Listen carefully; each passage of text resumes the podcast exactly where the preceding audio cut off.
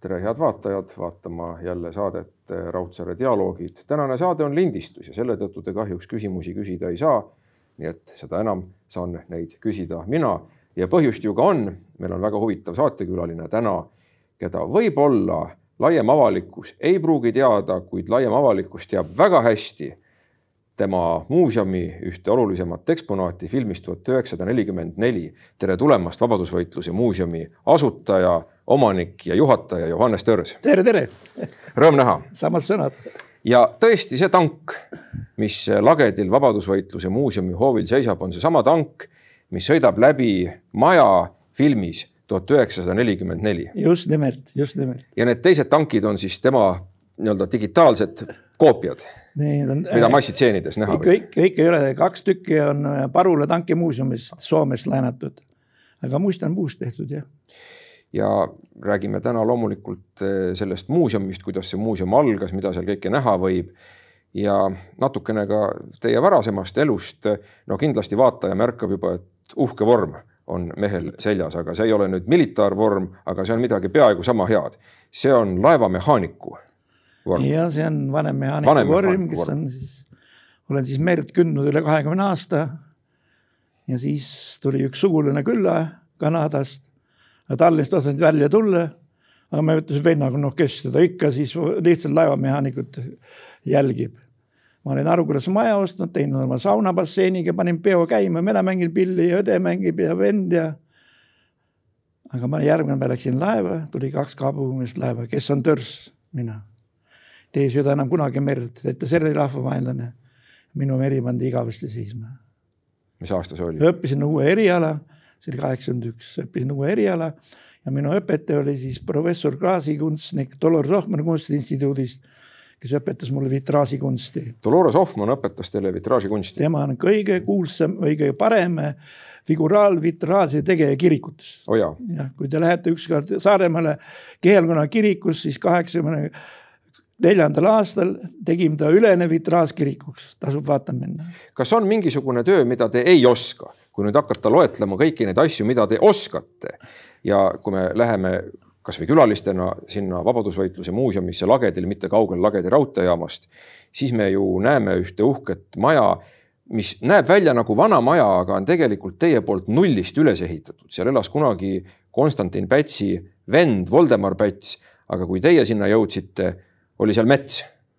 umbe kasvanud mets ja seal, kus maja oli, sealt oli vundament ka ära viidud, sealt me lõikasime maha nelikümmend kaheksa suurt puud. tänu sellele, et ühe mehele usku varna saag, mis tol ajal oli ime, oli õhtuks puud maha võetud, see oli kahekümnes jaanuar kaheksakümne üheksand, täpselt minu venna viiekümne aastasel sünnipäeval ja siis need puud said maha lõigatud ja algas maja taastamine. algas maja taastamine, jah. nii et tulen oma küsimuse juurde, et ega vist ei ole ühtegi tööd, mida te ei oskaks. müüri ladumine puusepatöö, mootori putitamine, vitraažikunst, no mida veel? kevitaja no, akrobaat, õhuakrobaat tsirkusetreener, karatetreener, kaheteistkümnes kutsekoolis andnud võimlemist, ristvõimlemist noortele. nii et jah, neid elukutseid on ikka päris palju.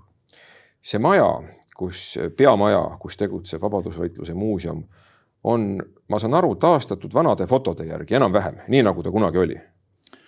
ja kaheksakümne kaheksandal aastal tegime Eesti Akadeemilise Sõjaseltsi põhiraja Rein Helme ja teised Eesti mehed, Mati Õun ja meil siis tuleb Konstantintsi pojapoeg Mati Päts, kes tuli ainult Siberist tagasi, Siberist viidi üksteist Pätsu ju tema käest ma saan Voldemari vanemtütre aadressi, ma kirjutan talle Kanadasse. ta saadab mulle pildid ja piltide järgi Urmas Aariker, restaureerimise valitsuse arhitekt, tegi projekti ja algas ehitamine. ja kui neid veidi kelkida, sild, peamaja, järgmine maja on kõik nende kahe käega üles tehtud oma rahadega. ja tol hetkel oli juba teil muuseumi mõte tegelikult peas olemas?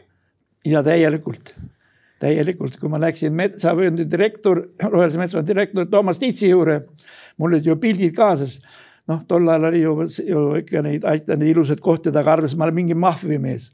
ma panin tal pildid ette, et. miks ta nii arvas? no tol ajal oli selline kuradi värk ju, et ja. igasugust kuradi asju rööviti ja tehti igasuguseid pahasid asju. aga ma rääkisin, minu ema oli selgelt näge, ema mul rääkis, kuidas ta nägi unes kolmekümne üheksandal aastal, kuidas Eesti riik hävib ja kuidas Eesti riik uuesti sündis. ja ema kasvatas meid kolm last selles vaimus, äh, eestimeeste vaimus. Ja kaheksakümne üheksandal aastal, esimesel juulil, kui me panime nurgakivi sellele, siis oli Mati Päts ja tema poeg Madis Päts, me olime leidnud saare äh,, Arukülast katuse seest Eesti Vabariigi originaallippu tõmbasime selle ülese, ma olin lagutreppidel, ma kuulutan Eesti Vabariigi välja. me oleme tipladest vaba meie saar, nii et me oleme kaks aastat Eesti riigist ees. aasta kaheksakümmend üheksa. esimesel juulil. ja siis hakkas see suur ehitustöö, aga eksponaate juba tuli ju ka järjest, see oli selline põnev aeg, et kõik eks, tulid, mitte ainult lipud, vaid muud asjad tulid välja. ja mul õnnestus äh, kindralmajor Ernst Põder, kes oli Võnu lahingu juht, tema paraadmöök ära osta tema vöörühm ära osta ja tema sõjakooli märk. haruldane asi. see on väga haruldane asi.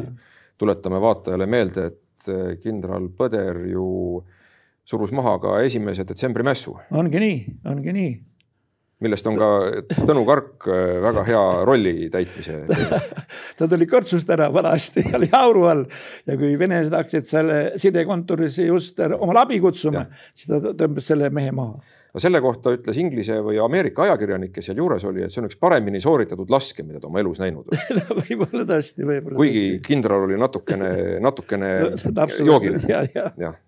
nii, nii et eksponaadid järjest tulid. Nad nagu ise leidsid tee muuseumisse. ise leidsid tee ja me saime, saime tuttavaks jalaüürikond kahesaja meestega, kes võitlesid Soome vabaduse eest siis me saime soomlase tuttavaks, siis me saime Soome sõjamuuseumi äh, juhataja Marku Polokangasega tuttavaks, kes on nagu minu vend. tänu sellele me asime välja Soomest viiskümmend üheksa raskerelva, kolm tükki tuli oma käigumaa, kõik käsirelvad, Saksa ja Vene omad mm -hmm. esimesest-teisest maailmasõjast. tänu sellele sai Laidoja muuseumist sõjamuuseum. ja võib arvata, et eh, nii mõnedki neist kui mitte kõik nendest relvadest olid ka talvesõjas kasutusel? talve, nad on talvesõjas olnud ja ma arvan, et põhirelvad, mis mul muuseumis on, on kindlasti olnud ka Vabadussõjas. Sest mul on ainuke Madsen, olgu neid oli üle viiesaja. see on kuulipilduja, eks ole? kuulipilduja, Taani kuulipilduja jah ja.. taanlastel oli kakssada Vabadussõjas ja tõid meile kuulipildujaid, mida venelased ei tundnud, venelased tundsid ainult Maxim kuulipildujaid mm. -hmm no inglased tõid ka vist kergekuulipildujaid, kui laevastik jõudis Tallinnasse. inglased tõid meile keskekuulipildujad lüüsid ja inglased tõid meil käsirelvi, tõid meil süüa ja võtsid kaks Vene suurt sõjalaeva kinni kahekümne seitsmendal. Mm, Avtorill ja Spartak. jah, ja need remonditi ära ja need said meie esimesed sõjalaevad Lambul ja lennuk Mm -hmm. miks nad kolmekümne üheksandal aastal maha müüdi, seda ma ei oska ütelda, kui äh, juba oli tunda teise maailmasõja lõhne aga maha nad müüdi, kahjuks. nii nüüd, kui külastaja tuleb muuseumisse, siis jah, me siin alustasime selle tankiga. Aga muide siiski, kui sellest T kolmekümne neljast rääkida, minu meelest see on ainukene töökorras eh, Eesti Vabariigi pinnal olev tank praegu, jättes kõrvale liitlaste tankid loomulikult, aga see oli Sindi tiiristis nagu, nagu Venest panid veel seitse tanki iga suure. tankmonument. jah, tankmonument. Valga juures oli selline monument, ma mäletan. jah, ja, ja praegu üks on veel alles ju. see on Narva-Jõesuu. Narva-Jõesuus jah ja. Me käisime alati, oli toru oli lahti, käisime paru Venemaa poole keeramas, aga nüüd on toru meie poole keeratud, kinni käivitatud.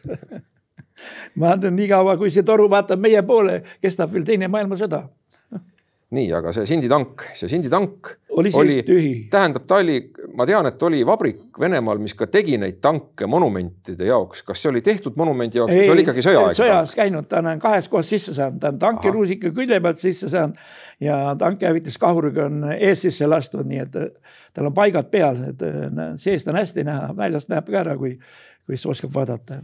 ja nüüd selle tanki käimapanemisel just nimelt see mehaaniku kogemus tuli abiks no muidugi, viies hobujõul on diisel peal ju, laevadiislid samasugused olid muidugi suuremad, aga kahjuks oli väiksed diislid. aga kust seda mootorit õnnestus osta sõjaväe käest?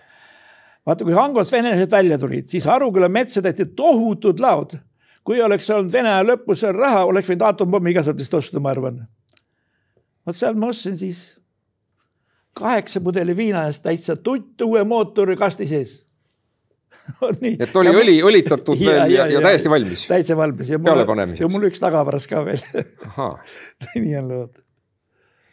ja, ja muus osas on ju see tank ka täiesti, täiesti korras. jah, täitsa liigub, paned mm, -hmm. läheb õhuga käima, läheb akudega käima mm. -hmm aga ma saan aru, et me siin mainisime filmi tuhat üheksasada nelikümmend neli, et ka ülejäänud filmid, nimelt Marmortahvlil ja nii edasi, on saanud eh, Vabadusvõitluse muuseumist rekvisiite relvade näol. surnu peal, marmor, nimed Marmortahvlil, surnu peal sõdurid, Georg Ots, Tuulepealne maa ja nelikümmend neli ja veel Metsavennade filmis, mis on tehtud, on tehtud meie muuseumi relvadega. Mhm.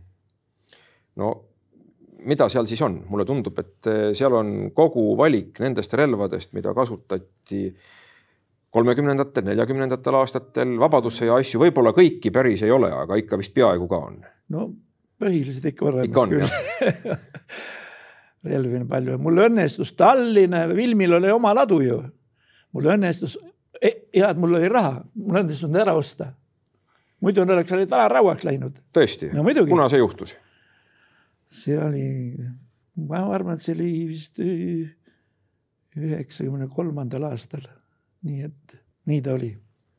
ja mida seal äh, laos leida oli? oi, seal oli palju asju mul kahju, et ma nii vähe ära tõin, relvad ma tõin kõik ära muidu, aga seal oli elu palju venelaste sõjaaegsed mundrid ja saksa mundrid ja neid ma võtsin vähe. aga nende ladu oli seal, kus on praegu see Rocca al Mare muuseum see oli tohutu varandus sees.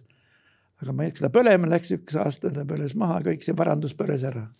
No ausalt öeldes üheksakümnendatest olen minagi kuulnud lugusid, kus oli tulekahju ja pärast tuleb välja inventari käigus, et need asjad, mis ära põlesid, poleks võib-olla sinna ruumi ära mahtunudki.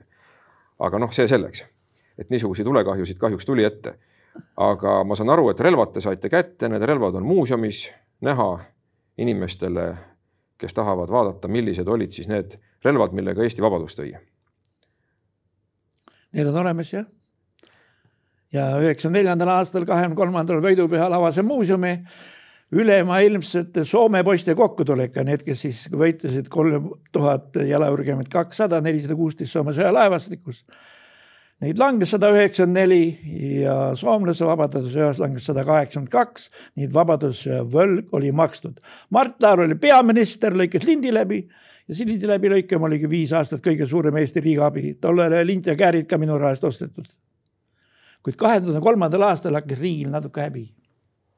meid külastab Euroopa sõjaväeterane president Erni Rost kaheksa vana kindraliga ja kui ta meie muuseumi ära vaadanud ja ma seal tankiga tal sõitu ütleme nime korraks üle, see käis kiiresti. Erni Rost mm. -hmm see tankiga sõitu saanud, ütles Johannes, sa oled teinud sellise muuseumi, mida teist Euroopas ei ole, et mina olen kõik Euroopa suured sõjamuuseumid läbi käinud ja meile antakse suur kuldmedal ja kahe tuhande viiendal aastal on üle-Euroopane sõjaveterani konverents Tallinnas ja peale konverentsi tuleb meile üheksakümmend kaheksa sõjaveterani, panevad oma tamme kasvama ja naelutavad meie lipu ära, meil on oma lipp ka olemas muuseum, nagu nägid mm. -hmm no ja, aga need tammed on suhteliselt noored tammed, aga seal kasvab ka selliseid auväärseid vanu puid ja üks tamm, mis on erilise looga, on juba päris suur no see on ju kahju, et seda ennem ei saanud teada, seda võiks ju laulupidudel isegi rääkida.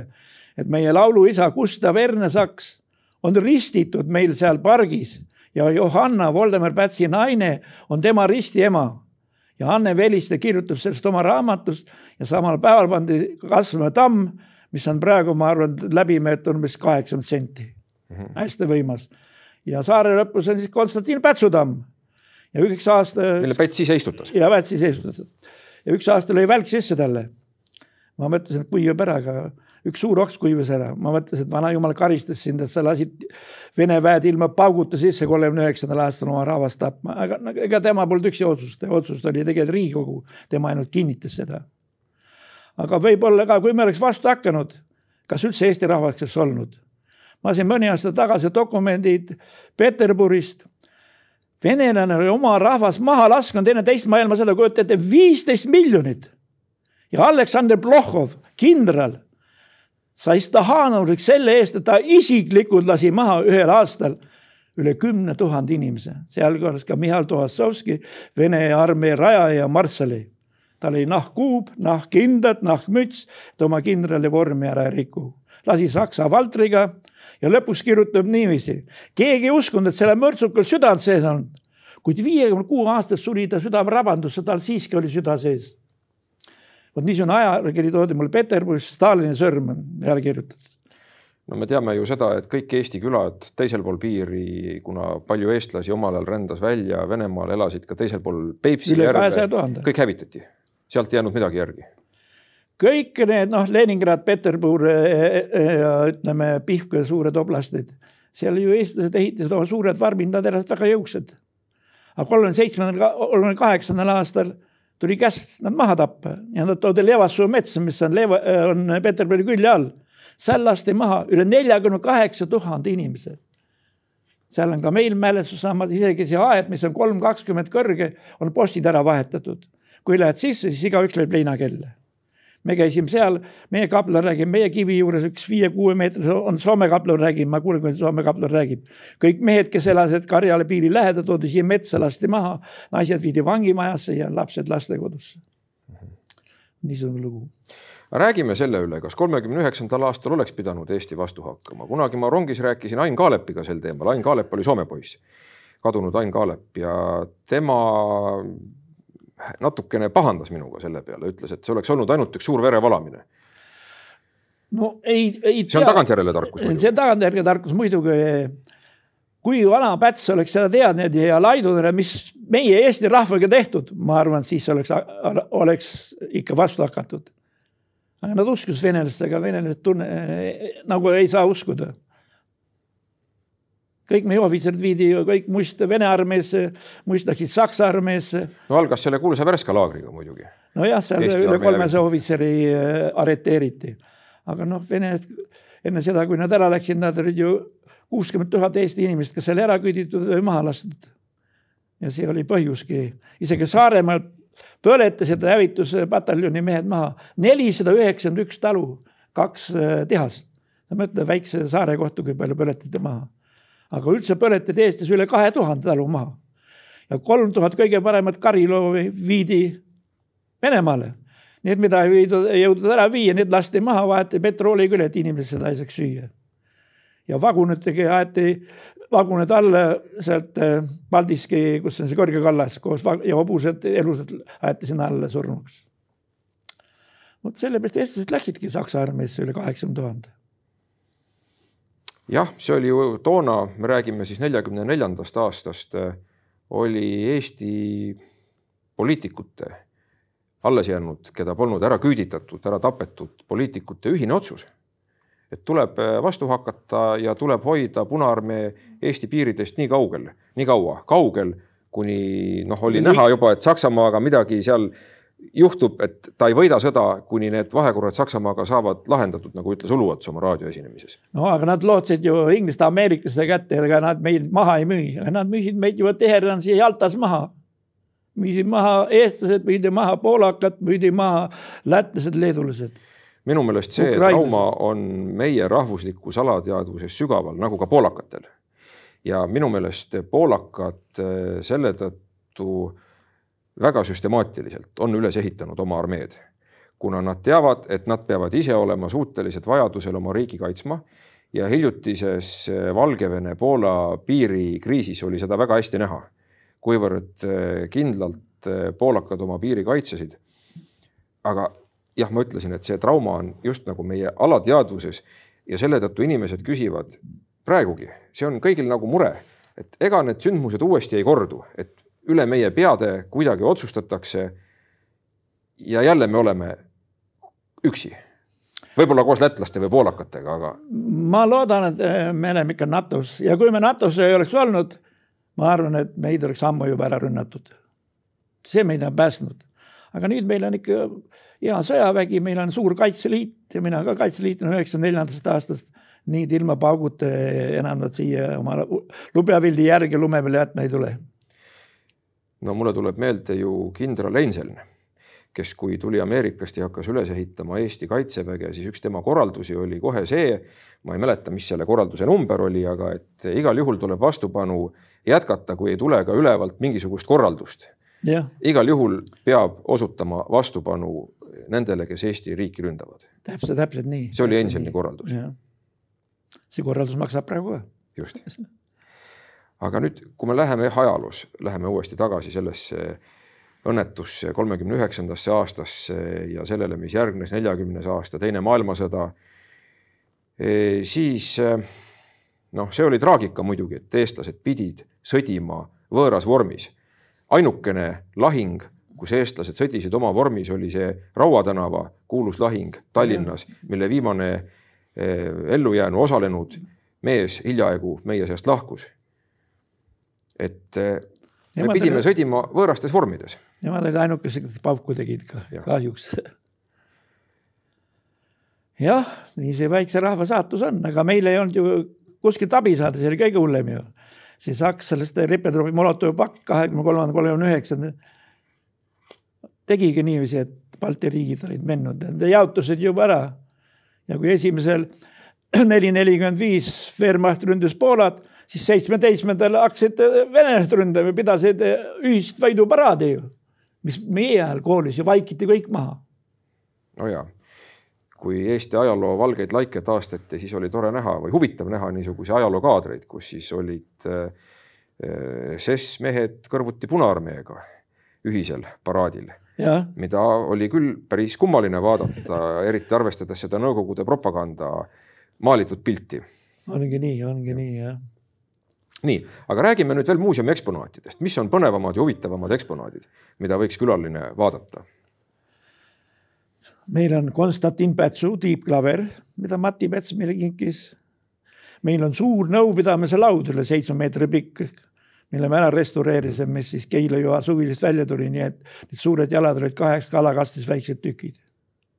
siis on toolid laua ümber, kus kunagi ministrid istusid siis on äh, Jaak Vendla, kes oli äh, kaheteistkümne poole tollise patarei komandör Aegnas, Aegna saare peal, Aegne ja Kuivassaare patarei sulges Soome lahe, Soome lukk. tuletame meelde seda ja, vaatajatele, seal oli merekindlused, äh, mida hakati ehitama juba minu meelest Peet, Peeter, Peeter Esimese ajal vaikselt jah. ja, ja, ja, ja enne esimest maailmasõda oli ju mõte juba, et oleks võimalik seda lahte hoida tule all aga see ei jõudnud valmis kunagi lõpuni, aga vabariigi ajal see siis äh, tehti lõpetati, tehti ja. korda ja see oli väga hästi sisse lastud patarei.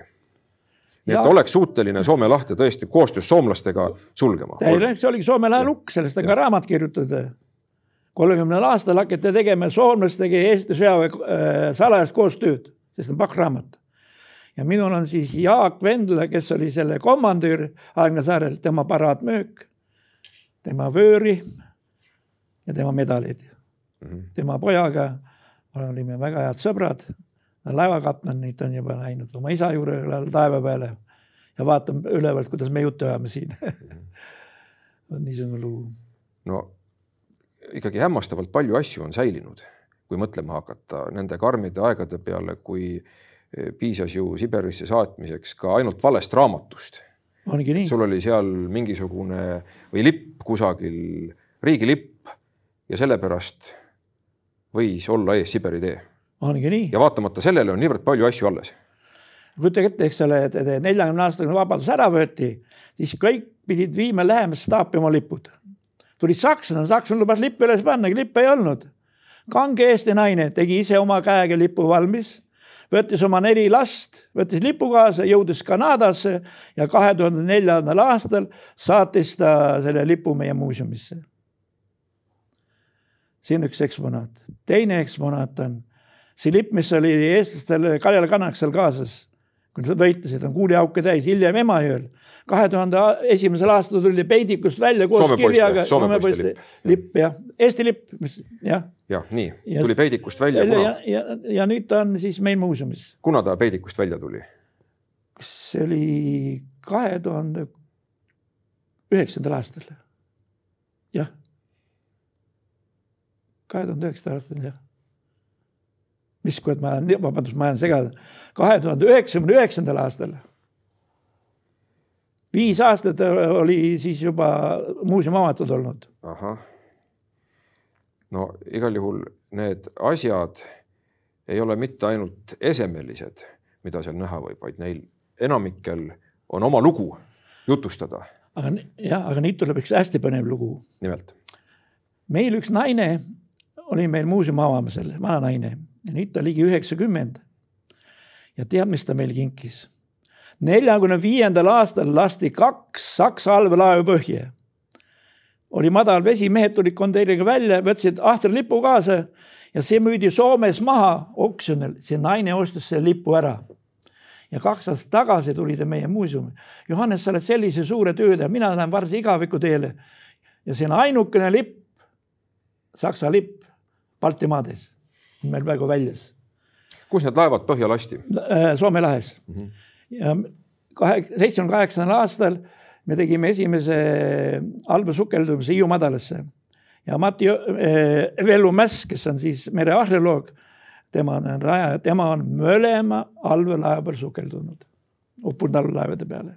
Te tegite koostööd Vello Mässiga? ja, jah, me käisime vee all. ja, ja Vello Mässi on olnud mul au intervjueerida ka siinsamas saates no,. aga nii. me ei rääkinud niivõrd militaarteemadel, et ma saan aru, et ju teie huvi oli seal ka vaadata, mis on säilinud ja mida oleks võimalik tuua ja muuseumisse panna.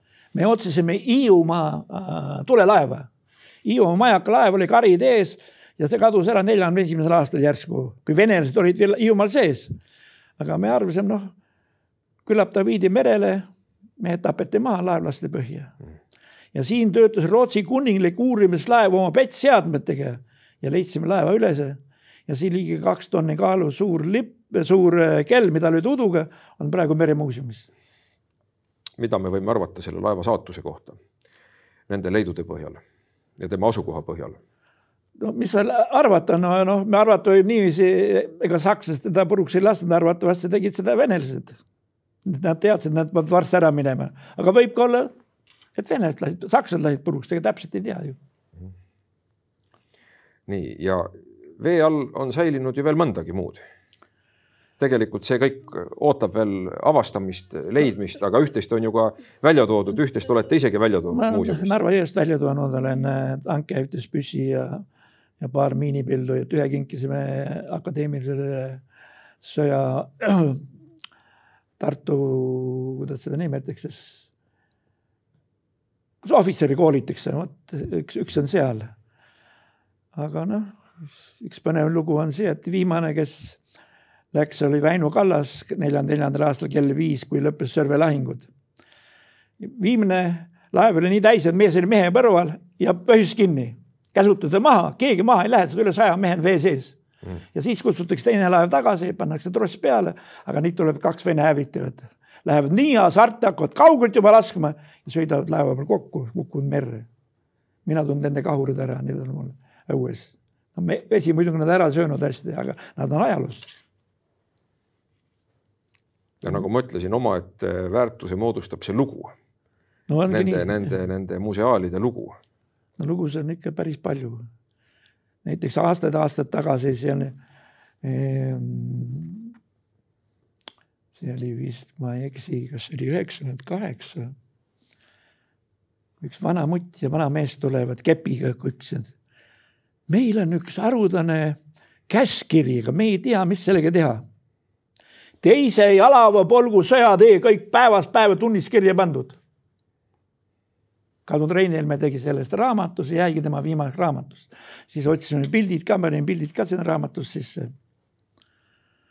kahjur, poiss oli tark mees, rääkis kaheksat keelt ja tema hukkumine on siiamaani saladuseks. kuidas mingi tundmatu naine hüppas talle selga Saue mõises ja lendas trepist alla, oli nädal aega koomas ja suri neljakümne üheksa aastaselt kuna ta oli mu hea sõber, siis ma lasin tal teha määletussamba, tema istutud tamme juures, määletussammas meie pargis. no seal on muudki, mis on pühendatud kas mõne konkreetse inimese mälestusele või mingi sündmuse mälestusele. et kui seal ringi käia, on no meil on, meil on praegu kakskümmend üks suursaadikut oma tammed kasvanud mm. -hmm. isegi Vene suursaadik tuli meile külla vaatama nii, ma ei tea, nii ta vist tuli vahetus talle, ta oli aru, arvutuselt niisugune eestimeelne mees. pani oma tamme kasvama, veidi konjakit, ajasime head juttu on nii.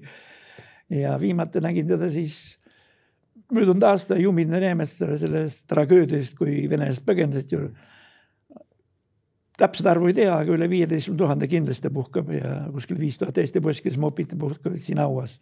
kuuskümmend neli laeva läks merepõhja. Aga Kronstadtis on pandud seitsmekümne kahe laeva alla mälestustahvleid ja siis Juminde Neeme otsustas nendele siis mälestused, miinid ümberringi ja suur mälestuskivi ja seal on siis igal aastal, kahekümne kaheksandal augustil on siis tulevad Venemaalt kokku ja meie omad ajaloolased seal. sel aastal oli muidugi väga palju, möödunud aasta. kui Eesti sõja ajaloost räägitakse, kahekümnenda sajandi sõja ajaloost, siis eh, tuuakse võrdlusi kahe lahinguga, võrreldes neid kõige ägedamate lahingutega üldse kahekümnendal sajandil maailmas. no Verduni lahingutega näiteks, et üks lahing on need eh, Narva mm, kaitselahingud Vabadussõjas kui käisid juba läbirääkimised Vene delegatsiooniga, rahuläbirääkimised, me teame ju, et Tartu rahu teisel veebruaril sõlmiti. Aga enne seda veel jaanuaris prooviti Punaarmee poolt läbi murda. Need olid väga ägedad lahingud ja teine veelgi ägedam oli ikkagi see, mis toimus Sinimägedes neljakümne neljandal aastal.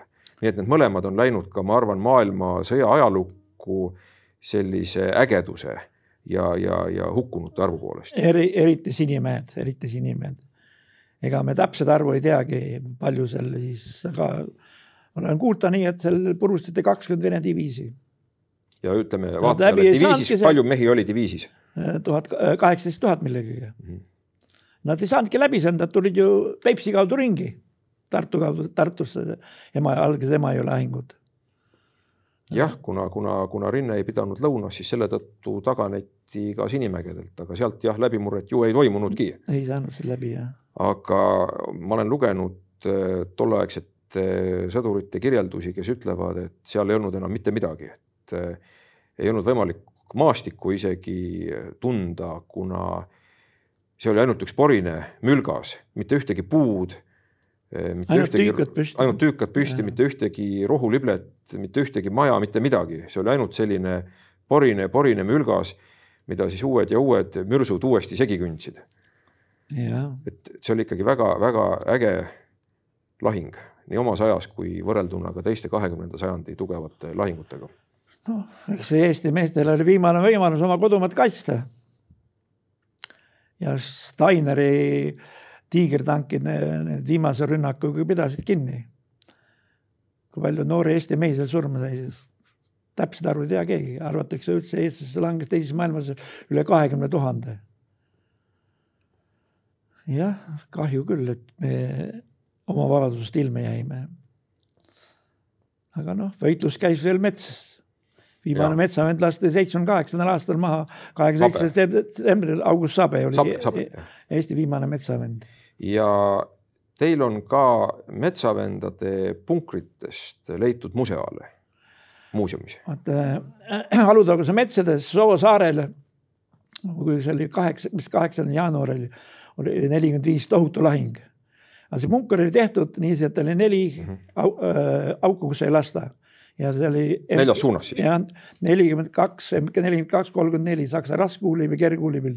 üks lasi tuhat viissada lasku, teine tuhat kakssada ja peale seda olid kaevikud ümber tehtud, kaks meest oli kaevikutes, kes viskasid kogu aeg granaati tagasi.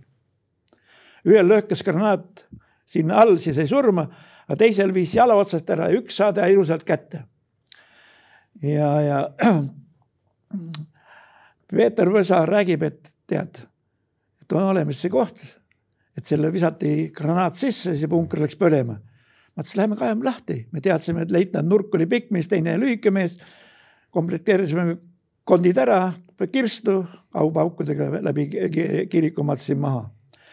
ja aastad tagasi, no üks kümme aastat tagasi vähemalt, oli seal üle-eestiline metsavendade kokkutulek ja sinna avati suur mälestussammas kadunud metsavendade, langenud metsavendade saja kaheksakümne nelja metsavennale ja kohalik Kaitseliit oli seal punkri ära taastanud, me mõõtsime ära, see oli kaheksa meetrit pikk ja meeter üheksakümmend kuus äh, oli ta lai. ja sealt me saime teada sellise saladuse ka, kuidas oli võimalik suvel teha süüa punkris. no kuidas siis? et suits ei passanud välja. pidi olema vastav puit ilmselt. ja me leidsime alt kaks kasti, kasesütt, kasesütt annab hästi sooja, kui ei anna suitsu. ja tõime selle punkriahju ära, punkriahjul on tükk väljas, see on ka mu muuseumis ühesõnaga siis, köeti kase söega, kase mis ei andnud suitsu. jah, andis kõvasti kuuma. aga kusagil pidi siis ju toimuma söe põletamine. no see käis, see käis kindlasti kuskil suvel, kui oli noh, metsad paksud ja. ja, ja ja noh, seal metsavaid käis, ega talv, talve oli ju kõige hullem veel, talve ju paistis mets läbi hästi. Vot talve kööti, nendega, siis tehti süüa ja. nii, ja nii et see punkrahi on olemas. minul muuseumis jah, jah ja. ja üks äh, kolmeliitrine pudel, mida samakad jõid, oli ka sealt tuli sealt välja ja üht-teist, üht-teist veel. ja kohalikud olid selle punkri ära taastanud siis. vana metsavend istus seal sees pika habemega kolmeliitrine samakapudel laua peal, leib ja suur sulalihakints. Igaüks, kes sisse lähed, anti üks naps. ma ütlesin, ma olen asjaautor, minu kaks, ma sain kaks anti ka? jah, muidugi vot nii, mudel on ka mul praegu muuseumis. vot sellised lood. nii, aga nüüd, kui me räägime muuseumi edasisest äh, arengust, äh, mida võiks seal veel olla, millest on puudu praegu? Äh, eksponaatidest või? no eksponaate on palju muidugi, aga puudu on sellest, et siin ei lasta ehitada. meil on vaja, meil oleks vaja angaari. kujuta ette, kui nüüd paarkümmend aastat seisab selline unikaalne tehnika seal vihmajärve käes. ja rivis, jõe ääres. siis nad hävivad lihtsalt ära. võib juhtuda, kui vald ostab ära või saab kuskil maad sinna ligidale, kui ostab, aga me seda ei tea aga mul on plaan, kui midagi muud ei aita, mul on sünnikodu Tehumardi külje all. Kus oli see öölahing? öölahing jah, mul on ja. sünnikodu alles veel, ma olen teda remontinud ja selle sauna teinud uue ja et sinna selle angaari teha ja viia see tehnika ära. ja sinna võib ehitada? sinna võib ehitada jah mm. -hmm. aga see on looduskaitseala, sinna ei lubata ehitada. ma küsin vahele, kas te ise Tehumardi lahingut mäletate ka? Mina mäletan, äh, kui ta meil reasjus ilmus, ilmus tapmine hakkas peale, ilmus, äh, paugud käisid, mis ma mäletan veel, ma mäletan sakslasi. sa kujuta ette, milline asi on, meil elas saksa kahurohvitser ja saksa kahurid olid metsa ääres ja suured artennid olid meil küünis. nii nad tegid sauna ja hakkasid ära minema, taganesid. me tuleme varsti tagasi, meil saab valmis imerelv. nii ja läksid, pesid oma hambad seal sauna ees, mul jääb hästi meelde. jätsid meile tropsikommi, sellist pikka, kaks kotti šokolaadi. ja kujutage ette, et üheksakümne neljandal aastal avatakse Sõrves mälestusplaat sakslastele. ja meie muuseumi tuleb kolm sakslast tõlgid kaasas ja kui ma oma olen ära rääkinud, siis pikk sakslane küsib, kas sina oled Länga külas Maeda talus, kus oli kolm last, mina keskmine. sina rääkisid väga hästi saksa keelt oma vennaga, mina elasin teie talus ta saadab mul Saksamaalt raamatu, mis ta on kirjutanud Saaremaa lahingus, oma pildi, sõjaaegse pildi ja oma medalite pildid ja temaga koos on Tehumardi öölahingu vanemohvitser Kurt Werter ja küsime siis tema läbi tõlgi käest, kas siis katsutusel juuksed? ütles, see on teie meeste väljamõeldis. Siis... tuletame vaatajale meelde, mida see juuste katsumine tähendab, et pimedas polnud näha. pimedas polnud näha, et sakslased pikkade juustega ja venelased kiilaspead aga kas meil on aega rääkida, kuidas tegelikult eurohang oli? no räägime sellest. Neid oli kaheksasada kuuskümmend meest ja neid seitsmendal tulevad laevaga Roomassaare. Nendele antakse käsk teha Narva jõele kaitseliin, teevad selle valmis, aga kaheksandal peastaap on Sõrves ühendusse saa ja Kurt Werter räägib teise ohvitseri, mu süda nii kõvasti valutab, ma ei tea, mis täna juhtub ja jube hämarik annab käsu mm., hakkame taganema. seal, kus on Mändjala käping, seal on tohutu suur auk lastud sisse teesse. Nendel on ainult üks tehnika, M14, Saksa, Ameerika kerge tank sellega tõmmatakse tehnika läbi, neid tuleb Järveküla ja siis ta on nagu selgeltnägija. ta ütleb teise ohvitserile, sina võtad nüüd pooled mehed läksid mere äärest ja siis ütleb oma meestele, kui me juhuslikult lähme venelastele kokku, mina lähen kõige ees, teie olge või, valmis võitlema. ennem keegi pauku ei tee, kui mina panen paugu õhku ja nii tuleb siis minu kodu metsatukka taga selline lugu. siit tuleb Karlo pataljon nii, siit tuleb sakslased, need tõmbavad teest kõrvale. sest Karlo pataljon hoiatud Vene staabis, vaadata ei hakka oma mehi tapma, Kuressaare poolt ei tule sakslased, vaid tulevad meie abiväed ja nad peavad sada meetrit oma meesteks. sada meetrit lähevad koos ja siis ta ütleb, mu sisetunne ütles, et ta tundsid mind ära, siis pataljon tehakse maatasa. aga Salme jõe ääre on poole päeva ajal jõudnud kolmkümmend neli iseliikuvat suurtükitanki, siis lastakse üles rakett ja need tulevad rünnakule. Ja see väike Ameerika tank ajab tagasi, ajab palju mehi alla ja on viiekümne teisel aastal veel lahinguväljal, selline auk läheb sisse, teiselt poolt tuleb nagu lill välja. ja see ohvitser räägib, selles lahingus ma tegin teise maailmasõja viimse paugu. üks venelane hüppas mul jalgadesse, ma lasin ta maha. siis me küsisime selle ju, juuste kohta.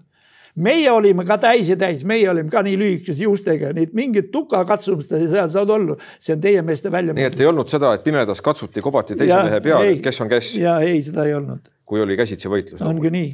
jah, jah. teised läksid lõnta-lonta-ajuga, nemad olid oma MP neljakümnega, kui pandi tuli peale, see pataljon tapeti peaaegu kõik maha. meil on jäänud mõned minutid veel saate lõpuni aega, et eh, me pisut sel teemal juba ka rääkisime, et on niisugune murelik praegune see rahvusvaheline olukord ja ootame, mis Ukrainas juhtuma hakkab või loodame, et ei juhtu. aga ma saan aru, et me võime olla küll palju julgemad et Eesti ei ole raisanud oma aega vahepeal. Need aastad, mida me oleme olnud iseseisvad. loomulikult me oleme, me oleme õppust võtnud sellest viiekümne, viiekümnesest äh, okupatsiooni aastast. Ja noh, nagu sa tead, kui me lauluväljal laulsime kuradi sajad tuhanded eestlased koos ja palvetasime Jumala poole, et anna meile vabadust. sihukest asja ajaloos ei ole olnud üks väike riik on ennast vabaks laulnud ja üks väike riik on peksnud sakslased välja, on venelased peksnud välja ja toonud võidu. ja tänu selle võidule, vabaduse võidule oleme ka täna vabad. kui seda ei oleks olnud, vaevalt oleks Eesti rahvastki olnud. Minu mõte. et me oleme sellest õppinud. kahtlemata kõige parem asi see, et meil on NATO liikmed, see on kõige parem asi, et siin on ikka sõjatehnikat ja siin on sõdurid ja kes, kes on valmis meie kõrval kaitsma meie maad. aga loodame, loodame, ma ei tea, milleks, milleks peab siin Ukraina kallal minema, ta on ju maailma rikkam mees. Ja nüüd üheksakümne seitsmendal aastal käisid ju, Putin käis siin, Sobsakiga linnapea. kes oli siis Putin? Putin oli Sobsaki kohvrikandja, mul on temast näitus ka ja seal neid vist oli üksteist, need üksteist, kes seal pildi peal on kõik miljardärid. no nii, mis oma rahvas on, siin pole venelaste asi kunagi olnud. Huvitavaid eksponaate on muuseumis, mis ma oskan öelda. no on ei, on, on, on, on, ja ma tänan väga, Johannes Tõrs, selle vestluse eest.